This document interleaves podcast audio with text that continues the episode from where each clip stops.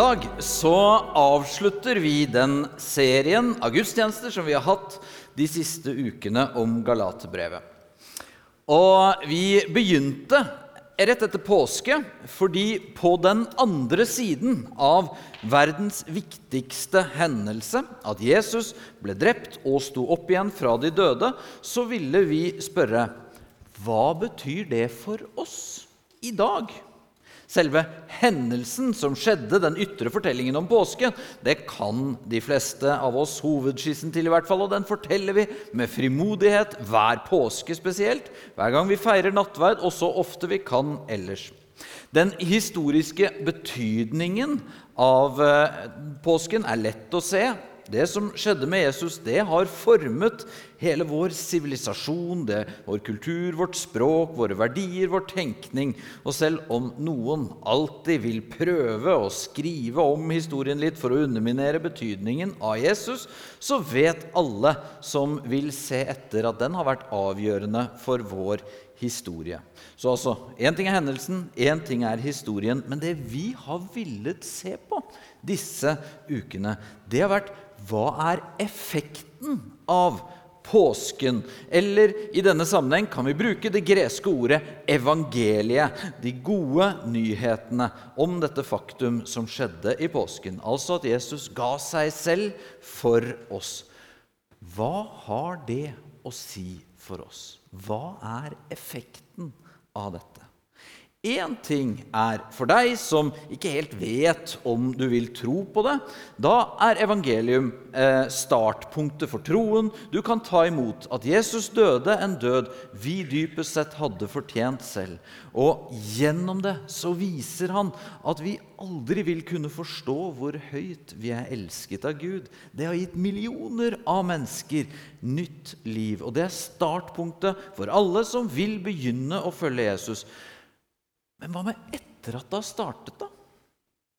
Har evangeliet, påsken, noe å si for livet vi lever i dag?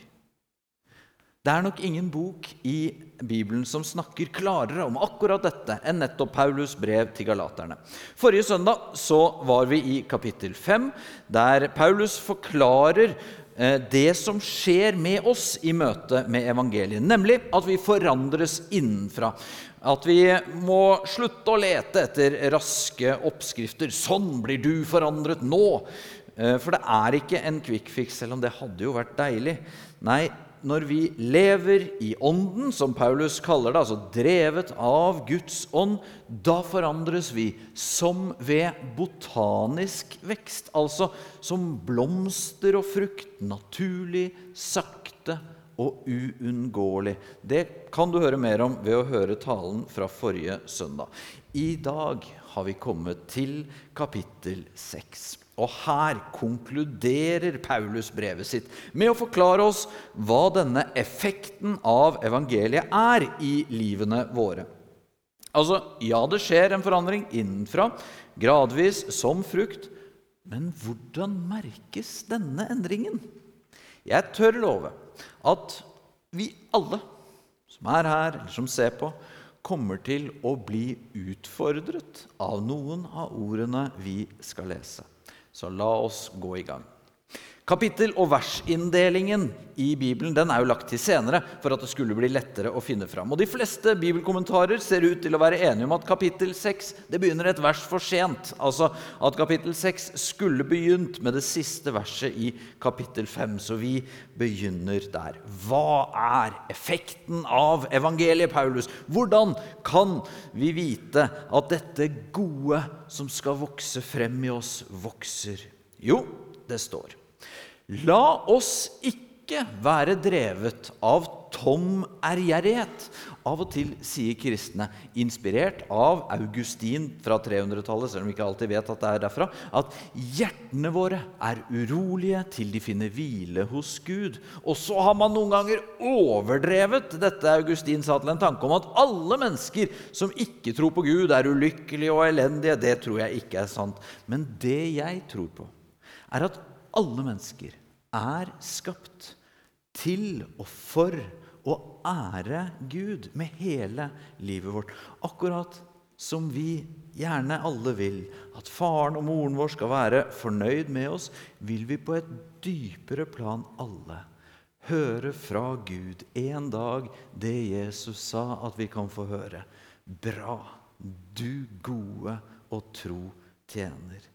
For vi er skapt til å tilbe og ære Gud.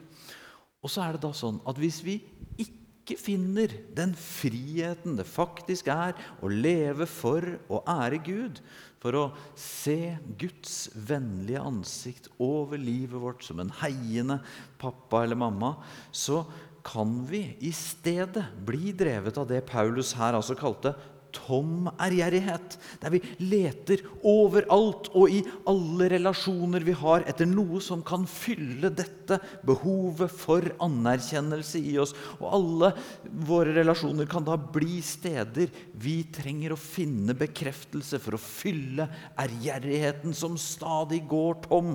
Hvordan da? Hvordan ser dette ut? Jo, Paulus spesifiserer her at vi gjør det i to retninger. La oss ikke være drevet av tom ærgjerrighet, så vi utfordrer og misunner hverandre. Det er to motsatte, like dårlige måter. Den ene er når vi ikke er trygge på oss selv, så, så kommer vi nedenfra mot andre. Da misunner vi, som Paulus så presis beskriver her, fordi vi ikke er trygge der vi står. Eller motsatt. Hvis vi ikke har innsikt i vår egen syndighet, svakhet, så kommer vi ovenfra mot andre, og da utfordrer vi andre. Ordet som her er oversatt 'utfordrer', det peker på en slags sånn konkurranseforhold. I begge tilfeller så er vi ikke trygge, elskede mennesker som vet at vi har vår dypeste bekreftelse fra Guds kjærlighet til oss, så prøver vi i stedet å utfordre andre for å fylle vår tomme ærgjerrighet. Evangeliet, påsken, viste jo oss at Jesus syntes du og jeg er verdt å dø for. Altså trenger vi aldri å komme nedenfra i misunnelse. Og ser vi at han faktisk trengte å dø for å sone våre synder, så kommer vi heller aldri ovenfra og utfordrer og konkurrerer unødvendig. Paulus fortsetter med å eksemplifisere. Mine søsken, hvis en av dere blir grepet i et feiltrinn, må dere som har Ånden, hjelpe han til rette. Men gjør det med et ydmykt sinn, og pass deg selv, så ikke du også blir fristet. Vi har alle noen rundt oss, og selvfølgelig og vi selv òg, som gjør feil. Vi sårer hverandre. Noen er så selvmedlidende, selvopptatte at de alltid ødelegger alle relasjoner. Noen lever så uansvarlig at de mister jobber, tillit, økonomi og ansvar. Vi gjør feiltrinn på så mange områder. Paulus sitt fokus her er ikke på de som gjør feil. Nei, han snakker om hvordan vi møter de vi har rundt oss som gjør feil. For Paulus driver jo her og skal vise oss hvordan det ser ut å leve etter påske. Leve drevet av Ånden og med effekten av evangeliet. Så han sier to kjennetegn her på hvordan vi møter de som har feilet. Det første er å hjelpe til rette. For én grøft er jo å tenke at alle valg er like gode. Jeg satt i en konfirmasjon og hørte på en tale som ga konfirmanten råd om å alltid følge hjertet sitt, ikke høre på andre og ha det gøy. Og jeg tenkte er dette de beste rådene å sendes ut i en ungdomstid med? Jeg tror ikke det. For hjertet vårt kan ta feil. Og vi bør ofte ta imot råd fra andre. Og det å ha det gøy øyeblikket kan av og til være det motsatte av hva som gir liv i lengden. Paulus sier vi skal hjelpe til rette, for av og til er vi på veier som skader oss. Vi må ikke relativisere bort at vi av og til skader oss selv og hverandre. Så en effekt av evangeliet er at vi hjelper til rette. Men hvis en grøft er å tenke at alle valg er like gode, så er det en motsatt grøft i å møte feiltrinn med hardhet. Og kanskje tenker vi fort da på strenge kristnes nådeløse behandling av mennesker som har falt. Og det er mange triste sånne historier. Og så er det kanskje overraskende at vi de senere årene også har fått en sånn sekulær versjon av dette. Der feiltrinn alltid skal møtes med straff, utestengelse. Vi har fått det som kalles cancel culture. Og det kan absolutt være tid og sted for tydelighet. Så ikke hør meg som at det alltid er feil, men som hovedregel sier Paulus at effekten av evangeliet vil være at vi hjelper til rette med et ydmykt sinn. Jeg vet ikke hvordan det er med deg, men jeg er en sånn som, som stadig trenger å korrigeres. Jeg har så mange blindsoner og jeg er såpass privilegert på så mye at jeg trenger å høre når, når jeg er utålmodig, hissig, rask til å dømme eller mange andre ting. Og da har jeg merket For en forskjell det er! Når, når noen gjør dette her, når, når noen viser meg feil jeg gjør, om de gjør det i en tone av ydmykhet, kjærlighet, eller om det skjer i form av en streng dom, aller verst på mail, eller aller, aller verst med sånn håndskrevet eh, brev med sinte ord med skjelvende bokstaver Paulus' poeng er altså at en, en, kristen møter den som har gjort feil, ikke med å relativisere og si at ikke det fins feil, bare følg hjertet ditt, det vet alltid hvor det skal, eh, og heller ikke med hardhet og selvgodhet. Vi hjelper til rette med et ydmykt sinn. Videre fortsetter Paulus. Bær byrdene for hverandre og oppfyll på den måten Kristi lov. Ser du at det er flertall? byrdene for hverandre. Altså Det er noe som skjer naturlig flere ganger. Det kan veksle litt hvem som trenger mest hjelp. Den kjente 1700-tallsteologen og predikanten Jonathan Edwards sa at når han prøvde å lære folk akkurat det her med å bære byrdene for hverandre, f.eks. det å hjelpe fattige, så svarte folk aller oftest 'Jeg skulle gjerne hjulpet fattige, men jeg har ikke råd til det'. Og da svarte Edwards, 'Er det fordi vi forventer å kunne bære byrder som ikke er noen byrde.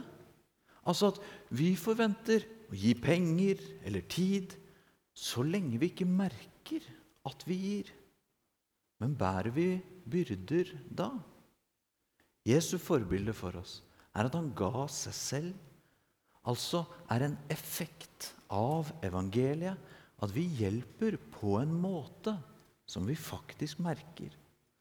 Og så understreker Paulus igjen at det, gjør vi det her, så er det i alle fall ikke fordi vi er så veldig flinke i oss selv. Han sier de som tror de er noe selv om de ingenting er, bedrar seg selv. Og nå er vi inne på noe umoderne. Jeg merker det. For i vår tid så sier vi jo at vi er fantastiske, at vi kan gjøre absolutt alt vi drømmer om. Men Paulus er så tydelig på dette prinsippet om at alt vi har, er gitt oss som en gave. Så vi har ingenting å skryte av i oss selv. Å si sånne ting som det, at 'jeg har ingenting å skryte av', det kan selvfølgelig bare være en sånn falsk ydmykhet hvor vi kler, kler oss ut i fine ord. Men det kan også være et uttrykk for at vi vet dette. Det er ikke jeg. Det er Han som lever i meg, som vi synger, og som Paulus skriver. Det er Guds kjærlighet som bærer meg. Ved Guds nåde er jeg den jeg er. Det kan høres litt sånn fromt ut å snakke sånn, men jeg tror det er så sant. Og da, hvis vi får en sånn mykhet inni oss, så kan vi vokse mot det neste som Paulus skriver, som jeg tror virkelig er til hjelp i alle våre relasjoner. For hvis du er som meg, så har du også lettere for å se klart hva andre kunne og burde gjort for meg, enn hva jeg selv bør gjøre. Jeg ser med en gang hva kona, hva barna, kollegaene, vennene mine burde gjort for å gjøre livet mitt bedre. Når Veronica og jeg har vanskelige samtaler, så syns jeg det er så glassklart hva hun bør gjøre annerledes som hadde gjort alt så mye lettere for meg. Jeg trenger at du gjør, sier, tenker. Men hør hva Paulus skriver. Hver og en skal bedømme det han selv har gjort. Og få ros for sin egen innsats, ikke for det andre har gjort. For enhver skal bære sin egen bør. Vi kan leve med en forventning til hva de som er rundt oss, bør gjøre for oss hele tiden og alltid være skuffet over det. Eller vi kan, inspirert av evangeliet, fokusere på å bære vår egen bør. Det er vanskelig, syns jeg. Men egentlig vet vi dette her. At all sann kjærlighet er sånn at jeg setter deg foran meg. At jeg ofrer noe for deg. Hvis jeg bare spør hva får jeg ut av dette her, så er det ikke kjærlighet. Da er det tom ærgjerrighet. Det er ikke en effekt av å leve med Guds kjærlighet. Men hvis jeg kommer dit at jeg setter ditt liv foran mitt, dine behov foran mine, da har effekten av evangeliet slått inn i oss. Ok, vi ser Paulus, at det ser godt ut å kunne leve sånn her. Men hvordan kan det skje at vi blir sånne? Som ikke kommer nedenfra i misunnelse mot folk eller ovenfra for å utfordre. At ikke vi kommer fulle av oss selv, men som mennesker som vet at vi er elsket ufortjent. Og så at vi lever i relasjonene våre med holdningen 'deg før meg'. Hva kan jeg gjøre? Ikke hva burde du gjort? Hvordan kan det skje? I meg, i oss. Da kommer vi til crescendoet i Paulus brev til galaterne. Og det er nettopp påsken og galaterbrevet møtes. For som vi har sagt tidligere i denne serien, her, så skrev Paulus brevet til galaterne fordi det hadde kommet noen og forvirret de små, nystartede kirkene der i Galatia i Tyrkia. Disse som hadde kommet, de hadde sagt til de kristne der som ikke hadde jødisk bakgrunn, at de måtte bli jøder først. Omskjæres, holde hele Moseloven, og så bli kristne. Altså at veien til å lykkes, det var å kle seg i en ytre religiøsitet fra utsiden, og så håpe at den vil liksom trenge inn til hjertet etter hvert. Men i virkeligheten er det motsatt. Og Paulus han blir nå så engasjert at han tar brevet som skrives, ut av hendene på sekretæren sin og begynner å skrive selv, selv om det var uvanlig å gjøre på den tiden. Det står faktisk 'Se hvor store bokstaver jeg bruker når jeg egenhendig skriver dette til dere.' 'De som vil tvinge dere til å omskjæres, er slike som vil ta seg godt ut blant mennesker, så de slipper å bli forfulgt for Kristi kors. Noen av de jødekristne fra Jerusalem de ville slippe å bli kritisert av de ikke-kristne jødene for å ikke bevare kirkens jødiskhet. Hvis de bare kunne beholde det som er kulturelt ekskluderende med troen, så ville de møte mindre motstand. Men nå er Paulus i caps lock-modus, som du ser, og han setter skapet på plass. De som lar seg omskjære, holder ikke selv loven. Likevel vil de at dere skal bli omskåret, så de kan være stolte av det de har gjort med kroppene deres. Det er ingen som i sin egen styrke klarer å holde loven. Men det hadde vært litt kult for dem å kunne komme tilbake til Jerusalem og skryte av hvor mange som hadde blitt omskåret i Galatia. Hvis vi spør hverandre hva er vi stolte av? Hva er det som er kult for oss å komme hjem og skryte av? Vi kan være stolte av jobben vår, utseendet vårt, pengene, hvor vi bor, hva vi kan. Jeg kan bli stolt når noen sier de har lært noe av meg. For vi er jo stolte av det som er godt i livet vårt. 600 år før Kristus så skrev den gamle profeten Jeremia ransakende. Så sier Herren, den vise skal ikke være stolt av sin visdom. Den sterke skal ikke være stolt av sin styrke. Den rike skal ikke være stolt av sin rikdom. Men den som vil være stolt av noe, skal være stolt av dette. At han har forstand og kjenner meg, for jeg er Herren som viser miskunn, rett og rettferd på jorden. Hva er det vi skryter av og er stolte av?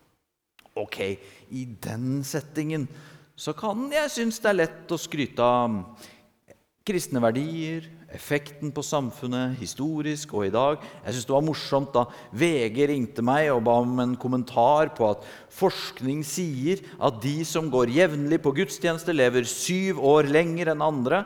Så tenkte jeg etterpå, Da må du kanskje trekke fra den tiden du bruker på gudstjeneste. Altså, jeg vet ikke hvordan regnestykket blir til slutt, men, men hva skal jeg egentlig skryte av? Paulus fortsetter. Men jeg vil aldri være stolt av noe annet enn vår Herre Jesu Kristi kors. Ved det er verden blitt korsfestet for meg, og jeg for verden. For det som betyr noe, er ikke å være omskåret eller uomskåret, men å være en ny skapning. Det var uhørt å være stolt av noe så skamfullt som et kors.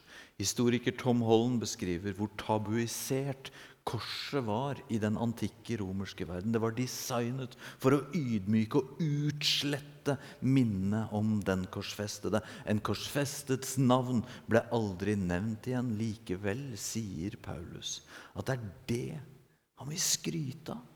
Sjokkerende i samtiden, men helt logisk. For Paulus visste det vi kan vite, at det er Jesu kors som har reddet oss fra døden og gitt oss det evige liv. Og alt annet vi skryter av i livet, det settes i perspektiv i forhold til korset. Derfor kan Paulus si at verden, som i, som i, alt annet, har blitt som korsfestet for han. Ikke nødvendigvis at det er dødt eller dårlig, men som i at i forhold til Jesu kors så blekner alt annet. Det er noe støtende med dette.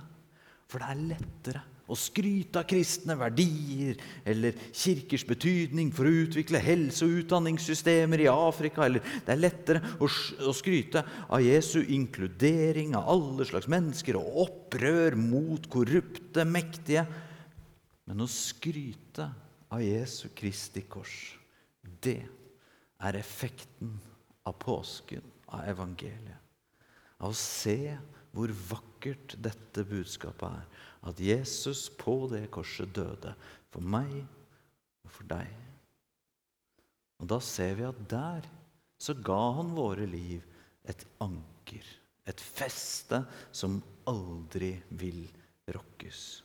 Og da det kom folk og forvirret galaterne, så ville Paulus at det skulle stå så klart det kunne, som et referansepunkt i all evighet. Så Paulus, han som åpnet brevet for deg, som var her første søndag i serien, med å forbanne de som, for, som forkynte et annet evangelium enn Jesus korsfestet, han konkluderer brevet med en velsignelse og sier alle som følger denne rettesnoren, Fred og barmhjertighet være med dem og med Guds Israel. Altså, vi kan la livene våre formes av evangeliet. Da vil vi ikke behøve å drives av tom ærgjerrighet, for vi har vår endelige bekreftelse av Gud. Og når vi ser at Jesus faktisk måtte dø for oss, da kommer ikke vi ovenfra og ned mot andre. For vi vet vi har ingenting å skryte av i oss selv. Og når vi ser Guds kjærlighet for alltid demonstrert gjennom at Jesus frivillig ga livet sitt på et kors, da vil vi kunne leve i takknemlighet. Og vi vil kunne skryte av Jesu kors for alltid. Måtte dette ved Guds nåde bli effekten av evangeliet, av påske, i mitt og i ditt liv. Skal vi be sammen?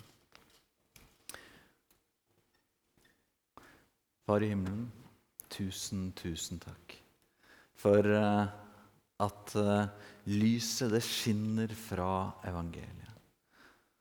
Og nå ber vi om at det må få gå opp for oss. Vi takker og vi hyller deg, Jesus for at du eh, ga deg selv for oss, og vi vil skryte av korset. I Jesu navn. Amen. Du har nå hørt en podkast fra Filadelfia-kirken i Oslo. Vil du vite mer om oss, gå inn på filadelfia.no. Og ikke minst velkommen til å feire gudstjenester med oss hver eneste søndag, enten fysisk eller online.